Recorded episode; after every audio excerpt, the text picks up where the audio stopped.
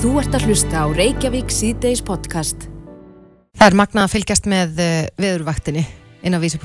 Mm -hmm. Þar var verið að byrta uh, frettir og, og myndir af uh, já, bílum sem eru fastir þarna á Sandskei mm -hmm.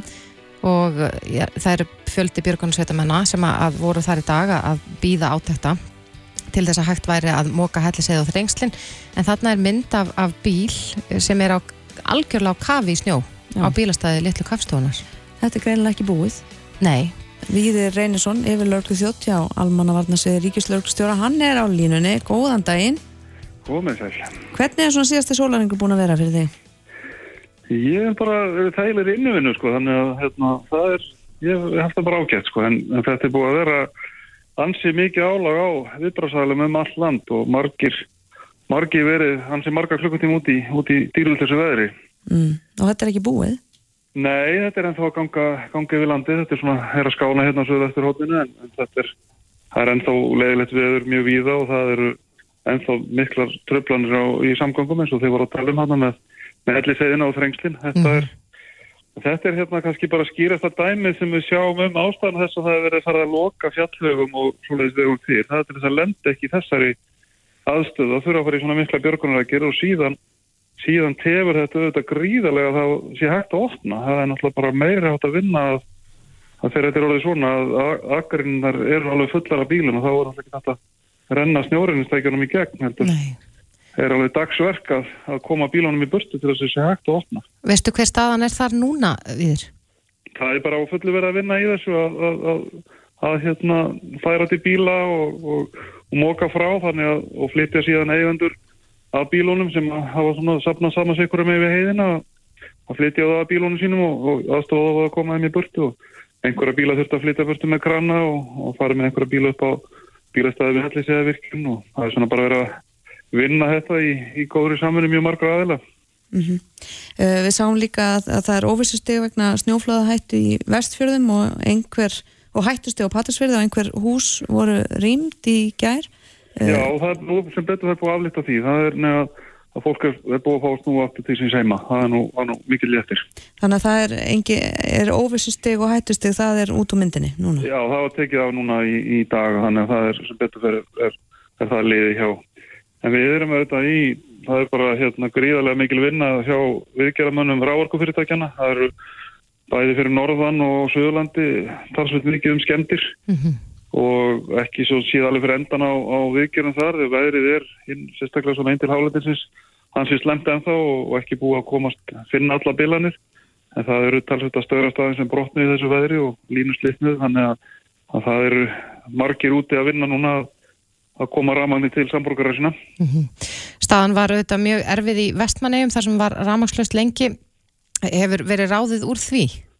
Já, það er svona mestuleiti eh, eru vestmanni að farna að fá þá ráður sem þarf. Það er enda ennþá keirt á aðrafl með til þess að, að hérna, því það er ekki komin nægileg flutningsgeta ennþá á línuna þannig að þetta svona virðist sleppa í ögnarbyggjunu að, að, að hérna, koma raman í þar. Þetta er auðvitað svona sérstaða sem að kannski við borgarbötnin þekkjum ekki að ekki eins vel að þarna er náttúrulega raf, rafkilt mm -hmm. þannig að þegar raman er fyrir þá, þá hérna, dettur kljóknir hitt í húsum og, og hérna, þannig að það er svona ímyndleg alls konar vandamál sem skapast í kringu það mm -hmm. og svo eru við erum við á meiri loðnuvertið líka þannig að það, það, var, það var mjög mikið undir og, og, og hérna og starfsfólk landsneist laði mikið á sig til þess að, til þess að koma þessi lag og það, það gekk fyrir heldur en ætla var. En svona önnur svæð á landinu, voru fleiri svæði sem að þurfta, hérna, sem mistu rammagnum einhver tíma? Já, ég, það var náttúrulega mjög mikið ramast, bara víða ramasleysi á Suðurlandinu í morgun. Þetta voru ekki bara vestmannir, þetta var þetta ansi víða sem var ramasleyst og, og, hérna, og vestmannir voru hluta, hluta því vandamólu. Síðan var, var líka aðeins fyrir norðan og, og í kvalfyrði og fleiri stöðum sem að, sem að verður ramasturplanir. Snæfellsnesi dætt út á tíðanbili gerðkvöldi og annað. Þannig mm -hmm. þetta var aftaka viður og hafiði þau áhrif sem, sem var búist við. Þetta voru, eins og séu, við varum appisinningulegur og rauðar og það eru svona til merkis um, um samfélagslega áhrifin sem að, sem að hérna, voru augljós í þessu og svo þetta var svo sem eftir að koma, koma all kvöldi grafa, ekki komin all kvöldi grafa með það hversu mikið tjónverður hefur orðið í þessu en, en við sjáum bara hver að gera því greiðilegt tjón þar og, og það eru líka uppsveitum í, í hérna, á Suðurlandi og fyrir Norðan talsverða skemmtir á, á eignum þar þannig að, þetta er að koma í ljós næstu daga. Já, og það eru stóru verkefni framundan, uppbygging eftir svona storm, en, en okkur skilst að það verði nú, já, stutt stóra högga á milli að það verði ekki, já, mikið blíðskapar við hérna um helgina heldur? Nei, nei, það eru bara núna að vera að koma á færimandilaðirnar og, og það er svo sem, þetta er náttúrulega bara íslensku vetur eins og, eins og, eins og við ættum að þekka en, en kemur okkur ekkert en oft, ofta og óvort en, en, en hérna þetta er auðvitað hundlegin eftir þetta er svona aftur og aftur og erfitt að eiga við það. Og farðir, farðir spillist aftur og aftur þá þetta hefur svo mikil áhrif. Það eru svo mikil hluti af og mikil, mikil hluti af samfélaginu eru þetta færð fólk á milli, milli landsluta og eins og umræðana voru í síðustu viku sem þetta er orðið eins og Suðurlandið var hluta til og Suðvæsturhóðin voru eitt atvinnusveiði þannig að það er svona tröflanir af ófærð og óveri eru jæfnvel meiri núna heldur en voru áður bara út af breytingum í samfélaginu. Mm -hmm. Þú myndist á hver að gera það á það hlítuna hafi mikið mildi að það hafi gjörðið slis á fólki þegar að Hamas höllin sprakk og fauk út á sjó um, hafa verið eh, einhver slis á fólki svona síðasta sólaringin? Nei, sem beturferð hefur við ekki, ekki heilt að nefnum alvarlegum slísum. Það er auðvitað alltaf dáltið um hjask þegar, þegar mikið gengur á og, og, og slíkt en sem beturferð hefur við allavega ekki, svo við veitum til, orðið, orðið mjög alvarleg, alvarleg slís. Það var auðvitað, það voruð umferðaróhaupp þar sem hefur þurft að flytja fólk minnst okkur til, sko, til skoðunar mm -hmm. og, og hérna það var eins og bara í, í, í gerðkvöldi var auðvitað að flytja fólk uh, frá Selfossi í bæin eftir umferðarslís og það var bara talsveit mikil mikil framkvæmt í, í ófarinu sem að þar voru en tókst bara með, með samhælni og samstarfi vegagerðar og björkunar aðila og sjúkraflutningamann og lauruglu þannig að það var enn og aftur að fyllist maður svona bara svona stolti að vera hluti á svona upplöfuliði sem maður sér þegar það er að leysa verkefni þá einhvern veginn bara þegar allir leggjast á eitt og þá alveg sama fyrir, fyrir hvaðan þeir eru og þá, þá ganga hlutinur upp og, og það er búið að vera bara svona ánægilegi hlutin þessu er þetta samstarf allra og við erum að nýta okkur svolítið þessa tækni sem við höfum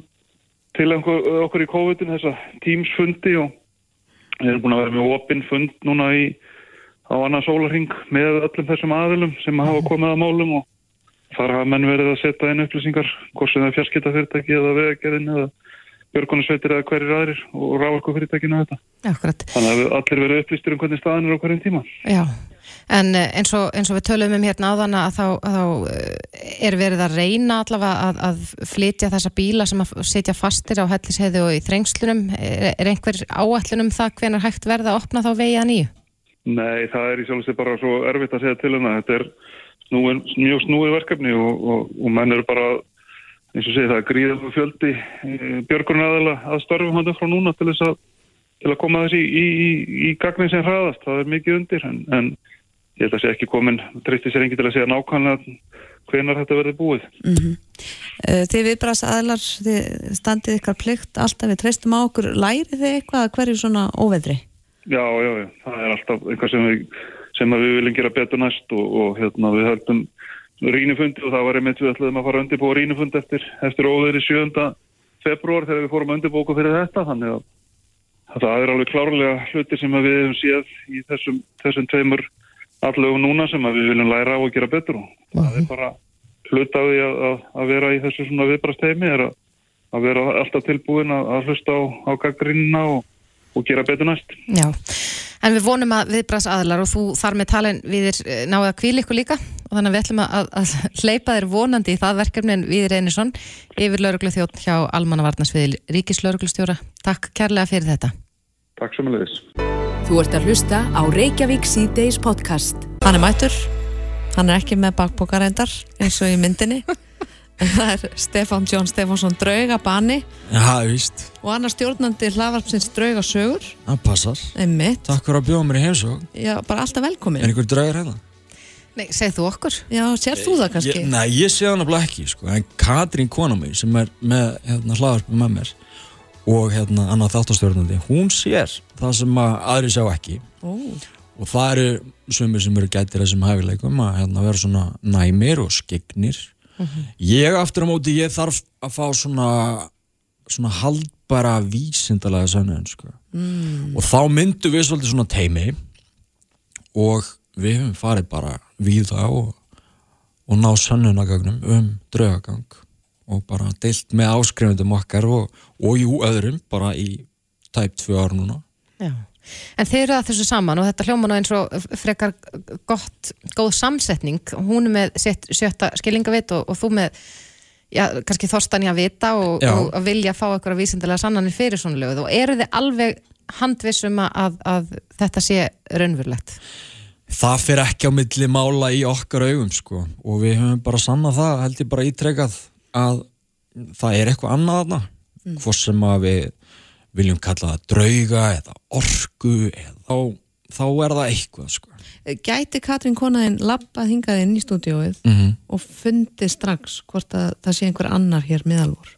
Já, hún geti fundið það En, en þetta er þannig ekki sagt að fólk hefur leitað til ykkar eftir aðstóð Jú, út af draugagangi. fólk hefur gert það og það er í rauninni ekkert númer sem að þú getur hringt í það eru hérna margir miðlar sem að bara neyta að taka svona að sér í dag. Uh, og það, þú hringir í laurugluna þegar að það er verið að hérna hræða badnið þitt nótt eftir nótt að því að það er einhver sem bankar eða öskrar eða eitthvað. Það er enginn sem þú getur hringt í. Er, er þetta dæmum raunverulega sögu, íslenska sögu sem þið hefði fengið? Já, og það er til dæmis nú við að fara að hefja sjónvastótt sem að vera sýndur á ringbraut núna í mass og þar tökum við mitt mál þar sem við aðstöðum eina fjölskyldu sem að hérna var búin að glíma við draugagang bara mjög lengi. Og og það voru einmitt það eru tvær unga stúlkur sem að verður svona vest að veri fyrir því að já, draugar voru ásækjar og og þetta byrja svona með viðtölum, við erum svona aðtöga fyrst bara hvort að það sé ekki allt í lagi heima á fólki, hvers konar fólki er þetta förum svolítið svona djúft hún í persónulega hluti og hérna og þegar við erum búin að taka öllu saman þá kíkjum við á staðin og, og við hefum bara rannsók og hún er yfirleitt gerði minnst að kosti 12 klukkustundir. Þar sem að við bara Er Náum að gista þar inni? Já, við reynda að sofum ekkert sko, við erum bara að vinna allan nóttina. En já, við náum þá sönnunagögnum og, og við erum stundum í beinni útsendingu og þar eru st- stundum hérna, húsægundur að fylgjast með. Og það að fá staðfestingu á því að þau eru ekki að ímynda sér. Þau kippa í, í makan skilur, jói, jói, ég sagði þér það. Ég s- sérði þetta. Og það, það gefur þeim líka svo mikla staðfestingu á því að sjá, þú veist ok, ég er ekki að ímynda mér. Það eru rattir hérna og þau geta spilað það aftur og aftur. Og þau eru með hérna, mynda einhver sem að setur í stól. Þannig að já, það er erfitt að þræta fyrir það sko. Mm. En nú getur kannski einhverjir velt fyrir sér hvort þið verða eiga við sönnagögnin til að styðja ykkar mál? það var, þú veist, við hefum heyrt þetta bara svona út í heimi og það var í rosalega hérna, mér finnst það bara svolítið uh, svona svolítið hrós ef að hérna, ef að við myndum eiga við tækin og hérna og fá svona sérnögögn þá myndum maður samt bara, þú veist kannski fá heilar spurningar og heili svörin og jafnvel heili sögurnar frekar en, þú veist, eitt og eitt orð En- þannig að ef þetta er svona rosalega ótrúlegt fyrir fólki að, trúa því, þá er það eiginlega bara mér finnst það svolítið magnað sko. Já. En, en, en þarf þetta alltaf að vera slæmt? Er draugagangur slæmur? Nei, nefnilega ekki og það er svolítið svona mítan sem er í þessu að hérna uh, það er náttúrulega Hollywood vægt rosalega að draugar séu bara einhverju hættulegir þú veist, einhverja hvítar veru sem, sem að ræða alla og eitthvað svo leiðis í flestum tilfellum þá er það bara ekki þannig. Og þau eru yfirleitt hrættari við okkur heldur en við við þau sko. Mm. en með hræðslu þá erum við svolítið næra þessa orku og, og það er svona það sem við erum eiginlega svolítið að, að reyna að breyta líka bara hugafarinu hjá fólki, þú veist, þú átt ekki vera hrættu við eitthvað sem að þú veist, þú ert lifandi og, og yfirleitt er þetta fólk bara týnt og þarf bara að komast áfram. Það verði ekkit allir að draugum. Það verði ekkit allir En hvernig kemst það áfram? það er nú með hjálp bara eins og okkar og hérna Katrínar, konum minnar og færa miðla. Og svo ef fólk kýs þá erum við með presta sem að verum í samræði við sem að koma svo eftir okkar rannsókn og hreinsun þannig að þetta helst svona svolítið hönd í hönd þetta er svona, Þannig er það að ná sambandi við draugin, Mhm. tala við hann. Já, og kemur svo presturinn hvað til þess að blessa húsið hann blessar húsið að lokum þegar við erum búin að hreinsa út. Já. og tekst, við- tekst alltaf að reynsa út tekst alltaf að ná sambandi? Nei, nefnilega ekki. Það, að, það, sko draugagangur kemur ekki eftir pöntun, það er nefnilega málið. Þannig að þess vegna þurfa að vera stundum í alveg bara mjög langan tíma bara til þess að býða eftir einni setningu eða, eða einu svari þannig að þetta er mikið þólum aðeins vinna presturinn kemur bara til þess að svona innsegla það sem við vorum að gera í, í okkar eigum sko, fólk hefur náttúrulega mismunandi trúar skoðanir En, en er þetta margir einstaklingar sem hafa leitað til ykkur? Hafið þið fengið, þú saður okkur nú hérna áðan áður en við hófum spjallið að þið eru líka með uh, podcast sem heitir Sannar íslenskar draugasögur. Er, er mikið af fólki sem leitað til ykkar? Það er, er þetta algengt? þetta er mjög algengt og þetta er algengara en við hérna, viljum meila viðkynna og þetta er rosalega mikið svona höss-höss, það má ekki tala um þetta. Og við fáum rosalega mikið að aðsöndum sögum sem að var til þess að við gerðum þetta hlaðvarp, sannar íslenska draugasögur, þar sem við erum engangu að lesa frásagnir frá alvöru fólki, bara frá mér og þér, bara út í bæ. Og það bara úr öllum stjættum þjóðfélagsins. Og við eigum ekkit við þessar sögur nema bara kannski örlitla stafsetningu annars er þessar sögur alveg nákvæmlega eins og þær berast okkur og þær bara koma daglega og eins þessar óskir um hjálp þær koma líka daglega sko. en hver er svona furðulegast að sagja? furðulegast að drega sig Eða eftirminnilegasta kannski, bara svona. Já. þær eru svo margar ég, ég held að svona það sem að setur svona mest í okkur það er þegar við fórum í kvítanuskála upp á, upp á Kili í annarskipti og það á að vera eitt, reymdasti staður Íslands. Og hérna þegar við fórum hann í annarskipti þá, þá var einhver svona þung orka sem að, sem að hjælt mér svona niður í steganum. Og skömmu áður hafði ég séð sko hérna fíguruna á myndavél og, og þetta tóku allt bara í litla heimildamind sem að vera með inn á patreon.com skástrygg draugasögur. Og það hafði bara mikil áhrif á okkur þessi ferð. Bara andlega og líkamlega þá er maður bara á þrótum eftir svona. Og, og þar var ekki góð orka. Mm. Þannig að það var eitthvað slæmt það sem eitthvað gerst slæmt. þar. Já, Já. og það lifir hérna En var, heldur sinna orðspúri ég var að spyrja út að örgulega einhverju sem eru að hlusta finnst þetta bara algjör þvæla og trú ekki neinu. Já, já, já Þú ert náttúrulega ef að senda maður í grunninn Nei, ég svona- myndi ekki segja það En þú þarft einhverja vísindarlega sönnun. Já, Hvernig var þá fyrir þig í fyrsta sinn sem þú fegst þessa vísindarlega sönnun? það er svo mikið svona staðfesting og hérna þú, veist að viðurkenna að því að Katrín gengur kannski inn í herbyggi hún segir hérna erum við að fara að ná sannunagögnum og við setjum kannski upptökutæki þar á borði sem að, sem að nefnir bara e, tíðni hljóðs sem að við heyrum ekki með mannsæðurinu en við náum að taka upp. Og hún hefur rétt fyrir sér og það kemur rött þarna inn á þetta tæki í þessu herbyggi upp í einhverjum skála þar sem er ekki einu svona rafmagn eða netsamband. Þannig að þannig er rosalega mikið staðfesting fyrir mig og líka fyrir hana að hún hafi rétt fyrir sér, það er hérna sem er eitthvað í gangi. Og, og það gera það trekk í trekk og, og þú veist að vinna við þetta full time það er bara draumur sko. Ver, Verður maður ríkur að því að vera draugabanni? við tökum ekkert fyrir það að hérna f- að aðstofa fólk. En við hérna leifum áskrifundum okkur okkar að hérna fylgjast með sönnunagögnunum og beinu útsendingunum en við höfum það ekki í okkur að, að hérna rukka fólk og fjölskyldur sem er að glíma við eitthvað sem að í raunin enginn sér En er markaður fyrir þetta? Heldur að séu markið, til dæmis bara núna er þetta bara að tala hérna í beinni útsendingu og eflaust einhverjir sem að, að hafa upplifað eitthvað og myndu vilja hafa samband við ykkur. Er, er markaður fyrir sko bara reynilega að það sé einhver svona þjónusta í bóði? Ég veit ekki með það og ég einhvern veginn svona persónulega og við, við erum bara þannig að ég held að það sé ekki hægt að rukka fyrir eitthvað sem að, sem að þú ert ekki eins og viss sem að þú náir að, að, að staðfesta með vísindarlegum sannleikagnum. Það er ekkert konkrít. Þú getur farið inn í reymdista hús á Íslandi í dag og náðu fullt af sannleikagnum og svo er ekkert að gerast þar, þar á morgun til dæmis. Já. Þannig að ég held að já, maður geti kannski ekki alveg farið og, og rukkað og hvað þá byrja einhvern business þannig séð sko. Nei. Já, þetta er, er spennandi og, og fólk skiptist eflust í fylkingar hvort það trú eða trú ekki á, á reymleika og drauga. Mhm. En, En, það, en við eigum öll sameiginlegt að vera forvitin það er nefnilega málið sko maður þarf ekki að trúa að drauga nei, en maður þarf að vera forvitin sko þetta voru góð lokaður. Stefán John Stefánsson, draugabanni og stjórnandi hlaðvarpsins draugasögur. Takk kærlega fyrir komuna. Takk kærlega Þetta er Reykjavík C-Days podcast.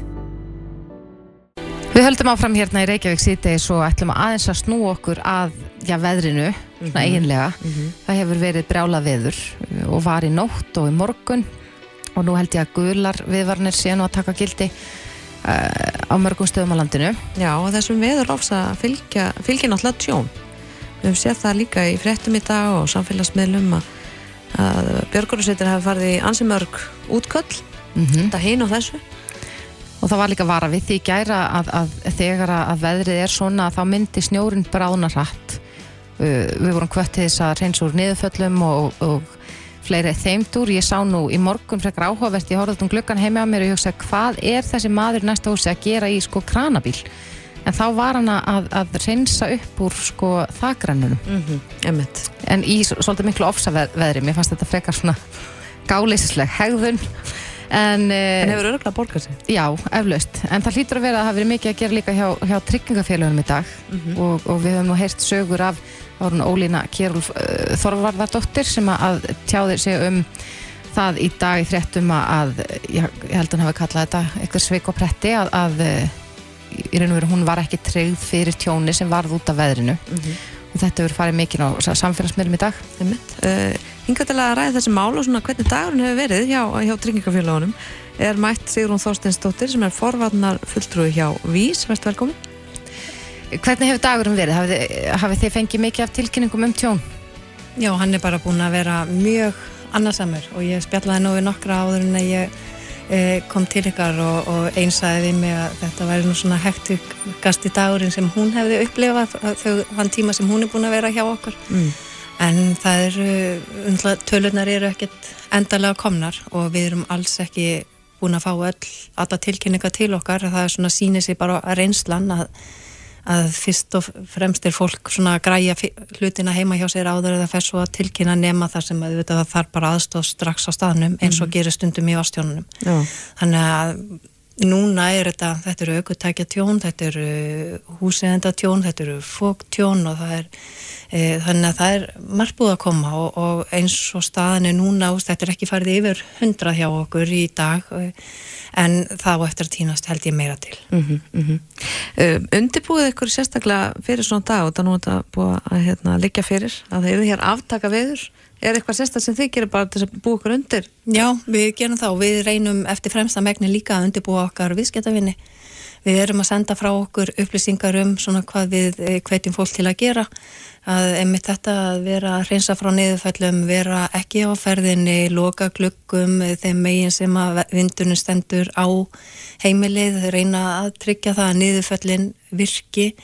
Og uh, svo erum við líka að sjá bara það þegar snjóin byrjar að blota eins og hann hefur verið mikill núna undarfarið að þá eiga til dæmis bara eins og það kantar til að gefa sig snjórin á til að hrinja ofan á bíla og fleira. Þannig að við erum svona að hvetja fólk til að að svona aðeins að vera að skrifa undan og, og hérna koma í veg fyrir þau tjón sem að hægt er að gera því að það er alveg rosa margt sem við getum gert sjálf.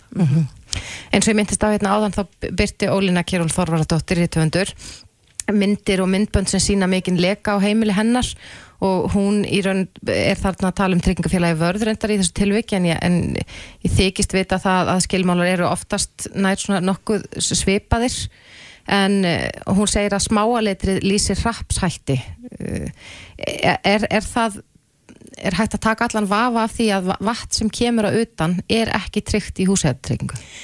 Gegnugangandi er það þannig, já, og, og hérna vegna þess að það er náttúrulega bara mjög oft þegar að vatn kemur inn að utan að þá er það að finna sér leiðir í gegnum sprungur og annað þvíli sem er svolítið svona vöndun á viðhaldi. Og e, við erum náttúrulega hlutverð tryggingafélagana er náttúrulega að ekki að sinna viðhaldi húsegnana þannig að auðvitað er það mjög svekkjandi þegar að það byrjar að leka og þarna eins og virðist vera í ólína settin og myndband inn hjá sér. Mm -hmm. E, og að þá virðist þetta vera að koma út frá þakki og, og hérna það er líka það sem að við sjáum oft að það frýs eins og þú varst að lýsa með nákvæmlega þinn sem er mjög jákvæmt að hann var í kran allavega í körfu í bíl en ekki stiga út á að reyna að reynsa úr rennunni. En það er eitt sem við sjáum að það frýs í rennum og, og svo byrjar vatnið að leka og það finnur sér bara sínar leiðir og, og það getur vel verið að það byrja að leka á uh, þakkinu og, og það kannski samt uh, vatnið kemur inn niður getur þess vegna gæst á hæðinni fyrir neðan sko því að sprungurna geta leiðið þannig á, með veggjónum mm -hmm. en auðvitað er það svekkjandi þegar þetta gerist en, en það er mjög skýrt í skilmálum og í raun og veru ekkert smáa letur að, að eh, vastjón sem verða innan veggja heimilisins það er það sem er bótaskilt nema þegar það er asa, asa, asa hláka mm -hmm. og asa hláka er ekki veist, hún er þá að gerast niður á jörðinni og, og það er þá þegar að annarkvært fráreinslið hefur ekki undan eða þá að bara húsið þannig í landslæginu að það næri ekki vatnið að renna frá og við til dæmis fengum, það var haft samband við okkur í nótt út af tjóni á heimilið þar sem að húsegandi voru búin að reyna og reyna og reyna að, að finna vatninu leið mm -hmm. og gáðust upp og hafði sambandi neðalínna Björgun og setið mætt á staðin og, og þá var sko, hérna ég sá einmitt myndir af þessu og þá var eh, gluggarnir í kjallaranum að þeir voru, vatnið var komið upp fyrir þá Já. og það var í raun og veru ógjörningur að reyna eitthvað að móka vatninu eða koma því burt þannig að hérna og þá sendu við verktaka á staðin sem að, að aðstóðu til við það en þarna er, er uh, allt annað eh, hlutur heldur en þegar að vatn byrjar að leka inn um sprungur eitthvað þannig á bara fólk ekki möguleika að koma vatninu burt frá húsinu. Mm -hmm. En eins og annars konar tjón við sjáum náttúrulega þakplötur fjúka af uh, og þakrennur losna, mm -hmm. uh, gluggarbrotna uh, í svona aftakaveðri. Er það tryggt? Já, það bætt? er húsegjandatryggingin sem tekur á því og, og hérna og þá við erum líka til dæmis alveg að sjá það. Núna voru þau með þeir sem eru búin að vera að taka móti tjónunum að í dag að það var þó nokkuð um að fólk væri að tilkynna einn tjón og það var ekki með húsægandatryggingu stundum er það þannig að, að hérna e, það er húsfélagið úst, ef þú ert í blokka eitthvað þá er kannski úst, þú ert með þína personlega tryggingar á einhverjum einum stað mm. en húsfélagi getur verið annar stað þannig að það getur tekið svolítið tíma fyrir fólk að finna út ok, hvað eru við tryggt með húsfélagi en svo verður við líka bara alveg að fá tilkynningar inn þar sem að því miður fólk var að tilkynna tjón sem hafði orðið var ekki með húsendatrygging og við sáum alveg í okkar ferli að við höfum verið að íta á fólk með, er, þú ert ekki með húsendatrygging og vilt ekki taka hana að, Er þetta ekki skildutrygging? Nei, brunatryggingin er skildutrygging mm. aukotækjatrygging ekki kasko, aukotækjatrygging það er skildutrygging en, en húsendatrygging er ekki skildutrygging og hún er að taka á vastjónum, hún er að taka á fóktjónunum mm.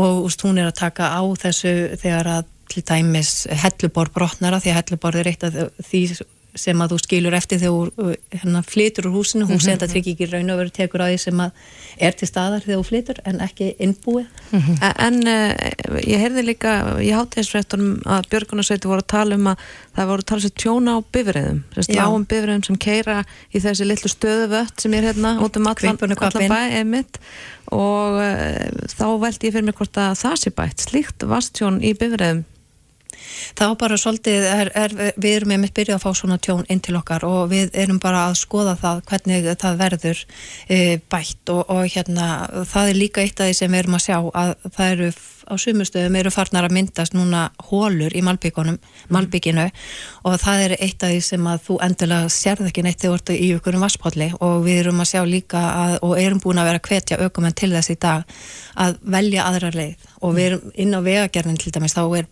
á mörgu stöðum er búið að merkja inn á kortið þar sem eru þessi podlar þannig að við erum að hvetja fólk til að velja, velja aðra leiðir til að fara örugari leið heim mm -hmm. Eh, og eins líka er þetta bara að keira alveg ótrúlega hægt í gegnum þessa podla sko til að ef þú verður að fara í gegnum þá að fara eins hægt og kostur er til að þú sért ekki eða minga líkur á því að þú sért að bleita bílin mm. En þarna er við að sjá uh, tjón og eins líka bara eru önnur aukotækja tjón sem hafa verið að koma út frá veðrinu þar sem að fólk hefur verið að missa stjórn á bílinum og svona og, og þetta er eitt af því líka sem að bara á eftir að koma uh, núna meira inn til okkar. En þetta er líka bara svolítið kvartningum að að líka að fólk sé, ef það sér til dæmis þessar hólur, að við megum búast við að búa að vera svo mikla breytingar í veðrunu að hólur fara að myndast meiri malbyggjunu að við látum vita af því til vegagerna þannig að vegagerna geti gert bragabætur mm -hmm. og líka bara svolítið þetta, úst, veðrið er ekkert alveg búið úst, á að fara frist á morgun þannig að ég hvet alveg fólk eindrei til þess að núna að núna er kannski svolítið lag að reyna að komast niður á niðurföllunum og, og mhm. hérna ég fekk einmitt góða ábyrtinga því að margir mun ekkert, heyrðu ég veit ekkert hvað þessi niðurföll er út á götu hjá mér að þá er ofta tíðum hægt að fara einu bara jápunkturis og sjá þar e, mynda, myndirnar sem eru teknar á götunum þá getur þau, ef að bíl er ekki lagt yfir niðurfalli að þá getur þau e, mhm. spottað út hvað þau eru kannski mm. réttar lokum sér við vitum auðvitað öll að við erum að taka inn trampolínin og, og taka inn garðhúsgögnin og allt þetta, en hvað ef að nágrannin minn gerir það ekki og, og hans lausamunir fjúka til dæmis bara minn bíl eða mína, mína fastegn e, þá getur e, sótt í hans ábyrgatryggingu mm. ef hann er með hana mm. og svo getur líka verið að kaskotryggingi þín takja á því en náttúrulega engungu ef það er kaskotrygging á bílnum mm -hmm. að þá getur það verið að hún takja á því. Já, Já það er greinlega í mörg hortna líta og eins og segir þeir eru ekki endilega búin að fá allar tilkynningar sem að munu berast út af þessu ofsa veðri sem hefur verið? Nei, við hefum allavega alveg vona á að fá fleiri inn til okkar og, og, hérna, og vonandi að það verði bara sem allra flest tjón sem koma til okkar bótaskild því að það er alveg ótrúlega leiðilegt og svekkjandi þegar svo er ekki fyrir þá sem að lemdi í því. Akkurat. Já Einmitt það, Sigrun Þorsteinsdóttir, forvarnar fulltrú hjá Vís, takk hjá fyrir komuna og gangi ykkur vel. Takk fyrir það kjalla. Þetta er Reykjavík C-Days podcast. Við vorum í gæri hér að tala við Baldur Þórhalsson, professor stjórnmálfræði og vorum svona velta vöngum yfir því hvort að, að af þessari innrás uh, Rúslands inn í Úkrænu yrði mm -hmm. og svo gerðist það örfáum klukkustundum síðar. Já, einmitt. Ráðamenn við um heim hafa núna í dag fordæmt það að Vladimir Putin, Rúslands fórseti, hafi viðkjönd sjálfstæði hér hana Luhansk og Donetsk í gær. Og uh, maður spyr sér svona hvað gerist næst? Er að brjótast út stríð það stæsta frá lokum setni heimstyrjaldar eða hvað? Uh, á línunni er Þórlindur Kjartansson hann er aðstofamæður utanríksáður góðan og blessaðan daginn Þórlindur. Já, komið sælar hver er staðan núna? Já, staðan er svo sem breytilt svo ofsalega þart og, og hérna, eins og þau nefndi í formálunum að, að þá bara hérna, getur þetta verið spurningum daga eða klökkutíma sko, hvernig hérna, fólk meita stöðun en það er alveg ljóst að síðustu dögum hefur ekki verið að batna mm -hmm. hvort að það er ástæða til þess að, að, að fara að velta fyrir sér einhver, hvort að hér verði í Evrópu einhver sko, stórkostleg stríðs átök í einhverju samanbörður eitthvað sem að gerði fyrir einhverjum áratugum uh, það held ég fyrir kannski ekki endilega rétti spurningarna sko á þessum tíapunkti heldur kannski snýst núna svona snúast auðu uh, alveg að því sko að, að, að finna leiðir til þess að reyna að stöðva uh, þessar skripnu og ytskiljalegu fyrirallanir Vladimir Putin mm. sem að hérna alls konar fólk er að reyna að lesa í þessa, þessa dagana og, og hérna ymsið spátumar sem er fljóttir að falla. Uh, þetta sem gerðist í gær uh, er, var þetta eitthvað sem að margir höfðu spáð fyrir að gæti verið svona einn af þessum leikjum ef maður lefið sér að nota þetta svona tala um þetta eins og einhverja leikjafræði sem að þetta er þetta einhverju leiti en, en, en er þetta fyrst og fremst gríðalur harmleikur fyrir það fólk sem verður fyrir barðina á þessum leikjum hérna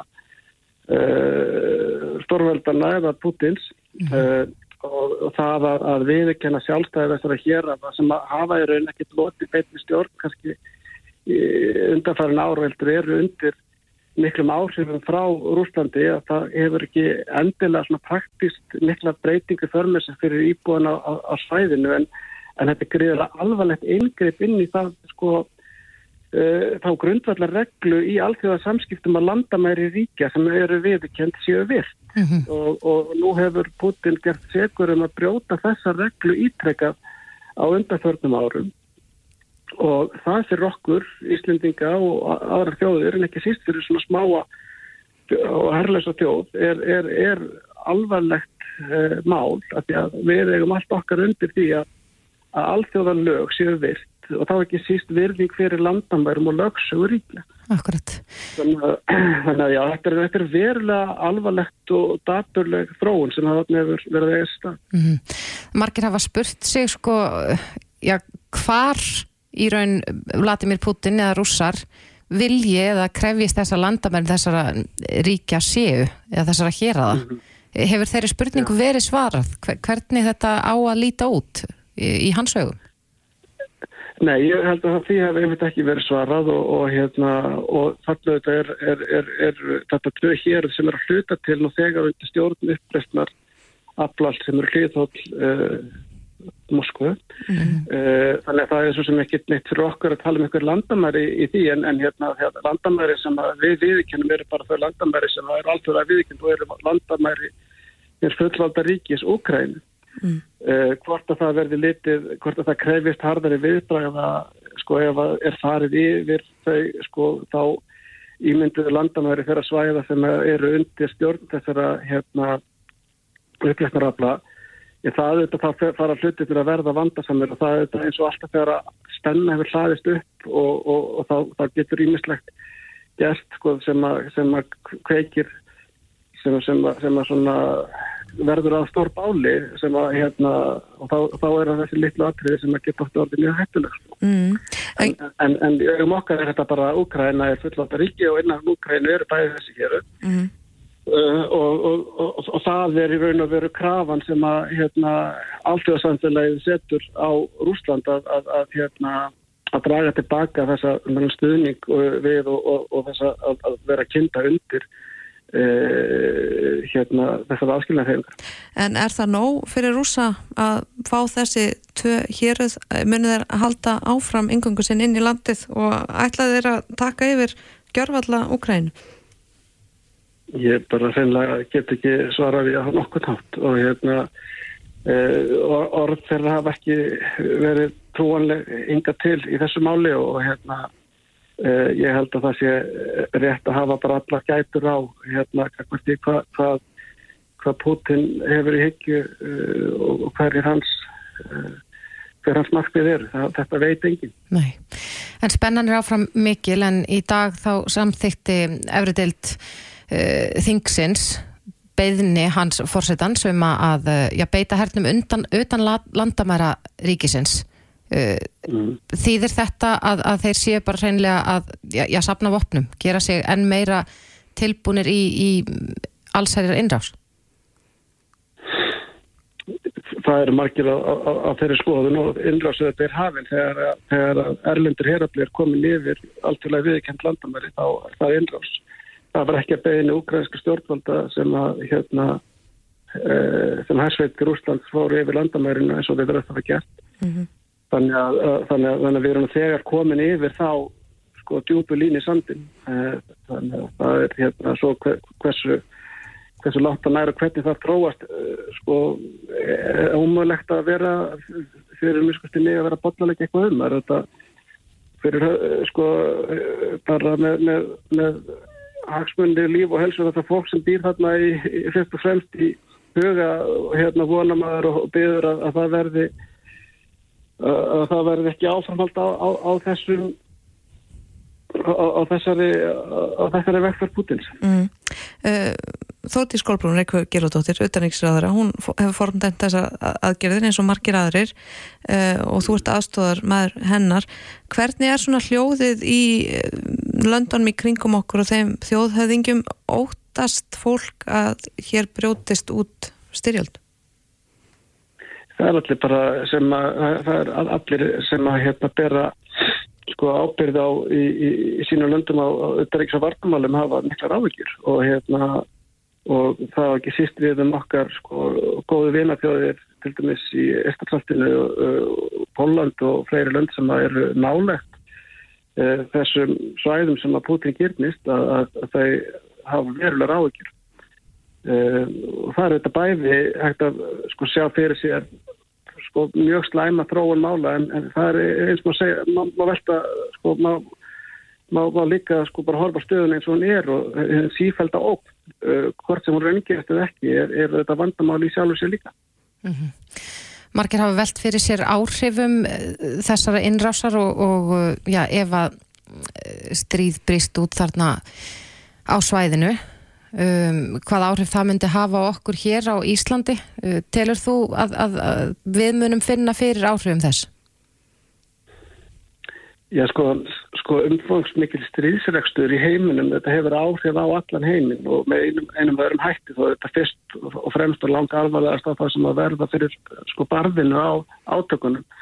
En það er þetta, maður gera ráð fyrir því að svona hérna átök hafi efnaæslegar afleðingar og, og tröfli margskonar þar sem ef það verður mjög mikið og, og hérna uh, og hugsanlega sko hérna munu ímislönd setja sig kannski í svona meiri varnastellingar hérna á næstu missurum en á, þetta er það þannig að sko að við þetta gerum ekki ráð fyrir því að sko, sko, sko Ísland er ekki, ekki Ísland er, við erum hættin á Íslandi varandi það að þetta eru þetta fjærri okkur hinn raunverulega hætta en, en við þetta sko verðum ekki varhluta algjörlega af áhrifunum. Það, það er hérna og við þetta tökum mjög fús státt í því að bregðast við e, þessu við ásalni rúsa í annara í önnur lönd með þeim hætti sem við getum og það gerum við þetta í gegnum okkar samstarf með NATO og, og hérna Pandaríkjunum og fleiri svona líktengjandi eins og það heitir vestrænum líðriðis þjóðum sem, að, sem eins og við vilja standa vörðum og byrja frjálst samfélag mm -hmm.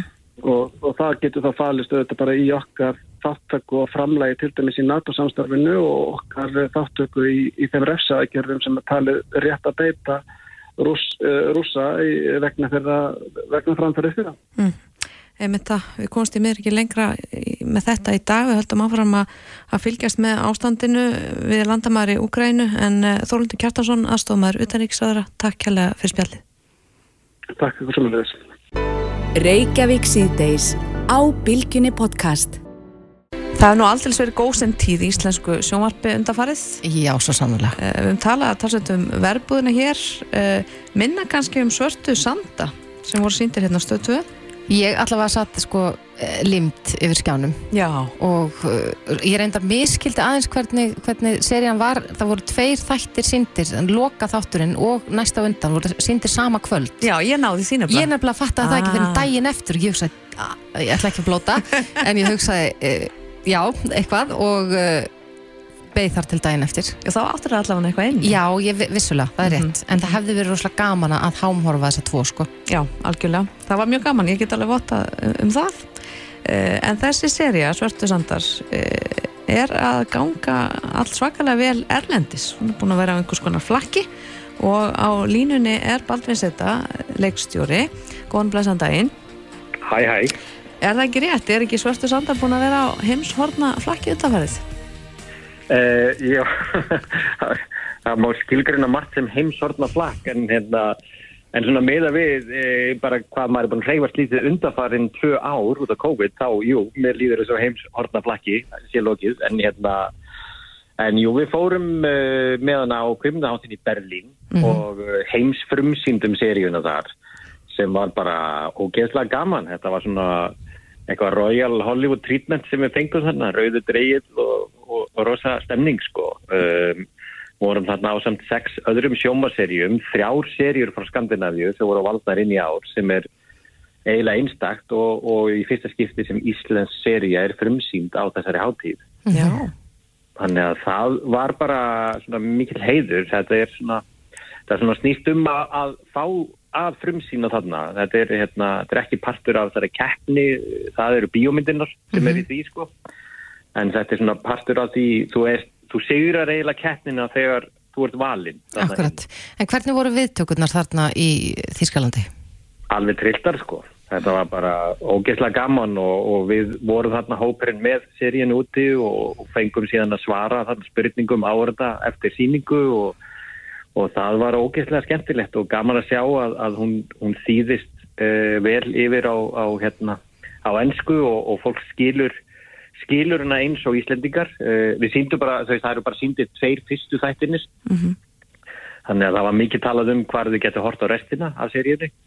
Og það er svona það sem er í gangi núna. Núna er þessi dreifing í gangi og, og salánu og þetta er svona partur af því að, að hérna, það stiður við það að fá þennan stimpil á seríuna að hafa verið frumsýnd hana og ég sá bara síðan í gæri einhverja risa auðlýsingu frá Ástralíu þar sem eru verið að kynna seríuna innan hérna, að, annara storra seríja sem er að uh, verið að frumsýna núna í Ástralíu og, og, fengu við svona, svona stórt slott eins og, eins og hérna, Handmaid's Tale og, og fleiri seríur uh, inn á þeirri sjómastöð þannig að það var, mikil spenningur í okkur núna að sjá til hvaða landa hún fer sko. Já, það, það er svona greinlega að það er eitthvað böss í gangi eins og maður segir. Ég sá að, að þú týstir hérna fyrir nokkrum dögum að Já. Svörtu Sandra hefði búið til eh, nýja tegund af uh, sjómasefni. Ég veit ekki hvernig genre þýðist á íslensku en það er já. post-nordic noir.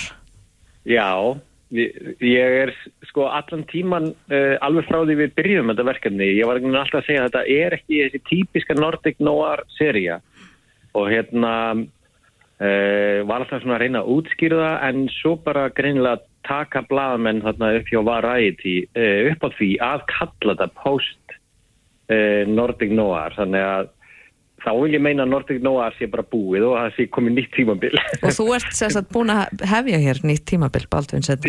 Já. En sko. Baldvin, fyrir þá sem að, að skil ekki alveg um hvað við erum að tala Já. Nordic Noir er kannski þessi svona norrænu krimmar sem við höfum séð lengi í sjónvarpinu. Já, sem byrjaði í raun og veru kringum árið 2007 þegar þáttaserían Fór Bröðelsinn er frumsýnd Mhm. se- sem er hérna síðan endurgerð í bandarækjunum sem The Killing. Og þarna byrjaði eitthvað svona bara ótrúlega tímabil í skandinaviski kvimundagerð það sem bara hver serían og fætur annari bara meikar það í hinnum stóra heimi, bróen og, og, þar eftir göttunum og, og, og það var skemmtilegt að bæði aðaleikarinn í bróen og aðaleikarinn í fórbröður sem voru þarna með okkur með sína serjur uh, á hátíðinni. En það voru dramaserjur sem þær voru að leika í þarna. Mm.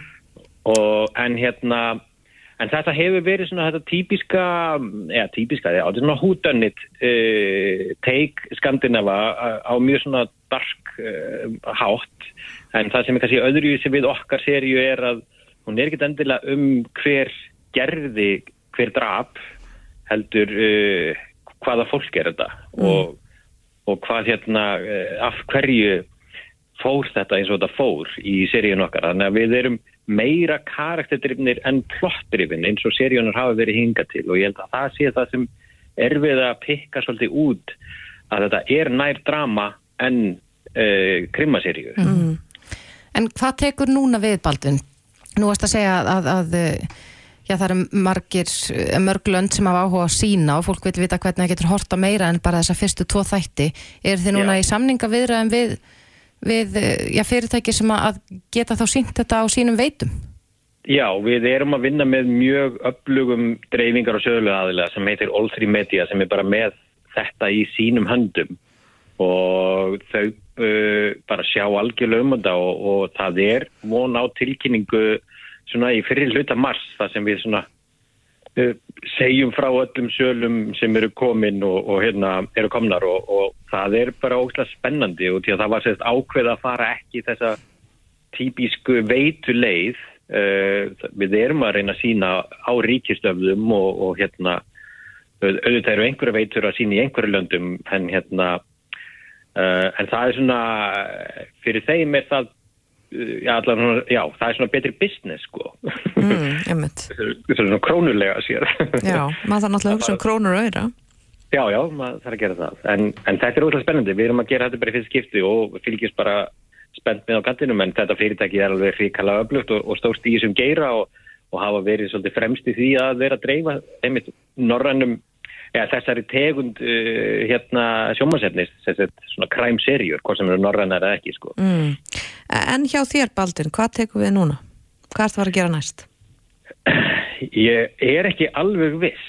Um, ég veit bara að ég fer ekki til neina tökur á þessu ári en er með nokkur verkefni í þróun og uh, við erum alveg sko, erum að býða spennt eftir því og því að það er náttúrulega fer eftir því hvernig þetta selst úti hvort við fáum að gera season 2 af Sjörstusöndum og því að við erum með hugmynd fyrir annað season og hérna og því að sagan er ekki alveg hún er ekki alveg complete ennþá öll sögð sko. Og hérna og margir sem hafðu spurningar einmitt við þeim uh, og, og hérna eftir serju 1 sem eru akkurat spurningan hefur ætlum að svara í serju 2 Spennandi.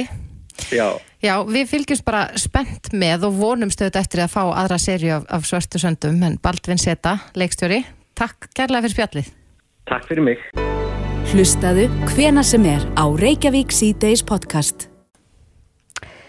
Eh, Það var sagt frá því í vikunni að eh, nýju samfélagsmiðlinn hans Donald Trump fyrir með bandaríkvosta sem heitir Truth Social uh, hafi verið settur í loftið í App Store Akkurat. reyndar eh, getum við ekki nálgast hann hér á Íslandi en mér skist að sé bara í bandaríkjun Mm sem er hægt að hlaða þessu niður og uh, Trump að sjálfsögðu stopnaði hennan miðl og það var bannaður bæði á Twitter og Facebook í áspyrjun 2021 Já, þetta er, þetta er auðvitað bara nýjungi á þessum markaði, þetta á að vera sannleiksmiðill, Mhm. eins og kannski nafnið gefist í kynna. einmitt En uh, ég held að margir noti samfélagsmiðra mjög mikið, við erum, held ég, 99% Íslendinga á Facebook. Já Það er, ansi hátt hlutfall. Mm.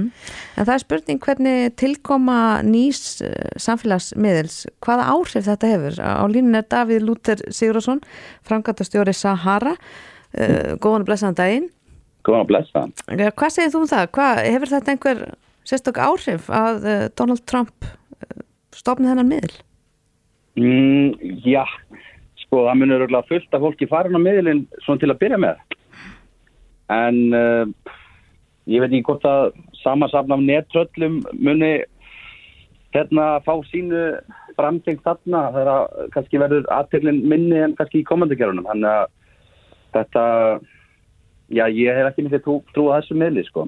Já, þannig að þú hefur þá trú að þetta verði uh, samansafn af netröllum eins og segir, þetta verði ekki... Já, það, það hefur bara verið hans fórsetta tríð, mikið um um hérna hita í kommentakerfinu og, og mikið, mikið hópa þeim sem eru mitt á samfélagsmiðlunum og ég man ekki alveg hvernig þetta var en, en ég held að hann, hans fórsetta tíð hafi verið, langt flestar falsfréttir byggðar bæði frá honum og hans hérna teimi sem að, sem að hjálpar ekki og svo búa til trúð sósíal þannig að þetta er, kemur orð Mm En er, er sko nú er alltaf sprett upp nýjur og nýjir miðlar.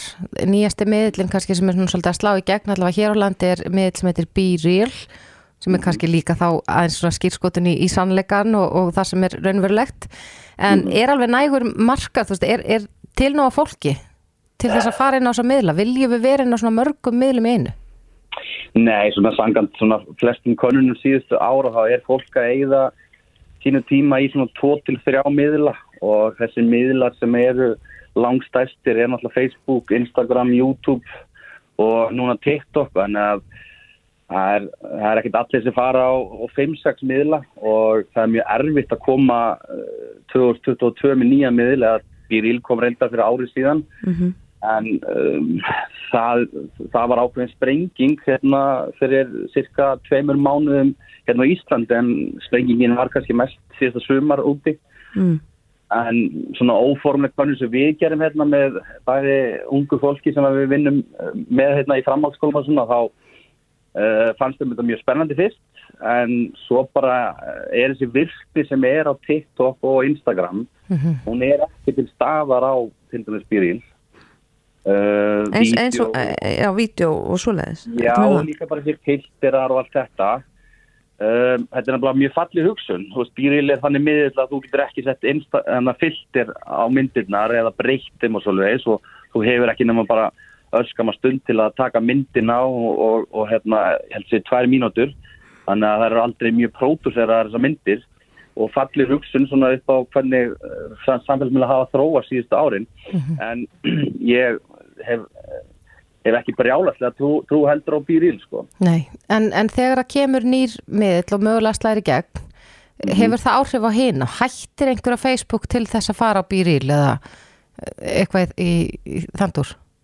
Það verðist ekki vera, ég meina, ef við tökum bara Íslandina þá hefur Ísland, Íslandingar sem sagt 90% þjóðinni verið á Facebook núna síðustu 6 ár Mm. og það hefur rokkað um 1-2% uh, þegar TikTok sprakkinu fyrir tveimur árum síðan að þá hérna, held ég að Facebook hafi dottið niður um 2% mm.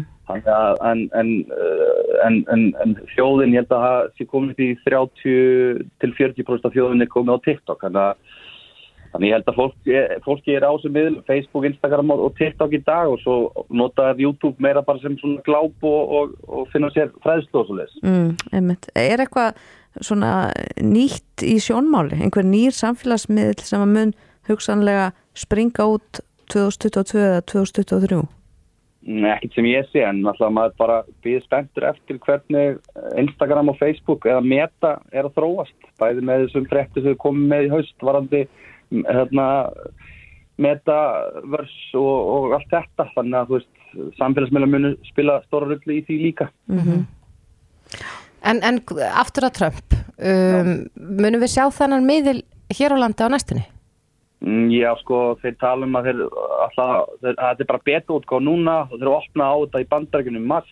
Ég er búin að fara með miðlinn af því að ég náði aðeins að fara bak, svona bakvið og það er ekkert að frétta hana, þú veist, þetta er svona bara, hvað maður að segja, ekkert kannski tilbúið og þannig að þetta er, er þetta að segja, sko, en, en auðvitað mögum sem miðl halda einhvað áfram að sem að Trump mun dæla í þetta hérna, peningum áfram og svo á hann uh, gott bakland þannig að það verður röglega fullt af fólki hann inni en þetta verður ekki í líkingu við þess að við sjáum í dag með Instagram eða Facebook eða, eða, svona stóra miðla. Mm, en veistu hvernig virkni verður á þessum nýja miðli, Truth Social, er þetta eitthvað í líkingu við Twitter eða er þetta meira eins og, og Facebook? Hann náttúrulega er gríðalegur áhugamar en Twitter en mér finnst líklega að hann hafi verið einhvað hérna, inspired by Twitter sko. Mm. En þetta væntalega eftir að fara í meiri þróun eða hvað? Jújú, þeir eru bara rétt að byrja, veist, þeir eru opnuð þetta núna í gær og, og, og hérna og það er bara beta í gangi og svo opnaðar í bandarækjunum í, í, í almeinlega í mars og svo uh, Evrópa hérna, einhverju mánuð mætti það. Akkurat. Já, það verður spennand að fylgjast með því hvort að Truth Social nái flugi hér á landi eða annar staðar. Daví Lúter Sigurðsson, frangöndastjóri Sahara. Takk, Takk kærlega fyrir þetta. Já, við erum að koma í mark og getum þá farið heim þórtís og kíkt á samfélagsmiðlan okkur. Já, ég býst nú reyndar alveg við því að við munum gera það allavega einhvern tíman í kvöld, Lilla mín. Absolut. En við verðum að skipta yfir að fréttastofa sinni. En verðum aftur hér á morgun, Bræi, Lilja Katrín og Þórtís þakka fyrir sig. Og við vonum að það eigið indislegt kvöld. Reykjavík síðdeis á Bilginni podcast.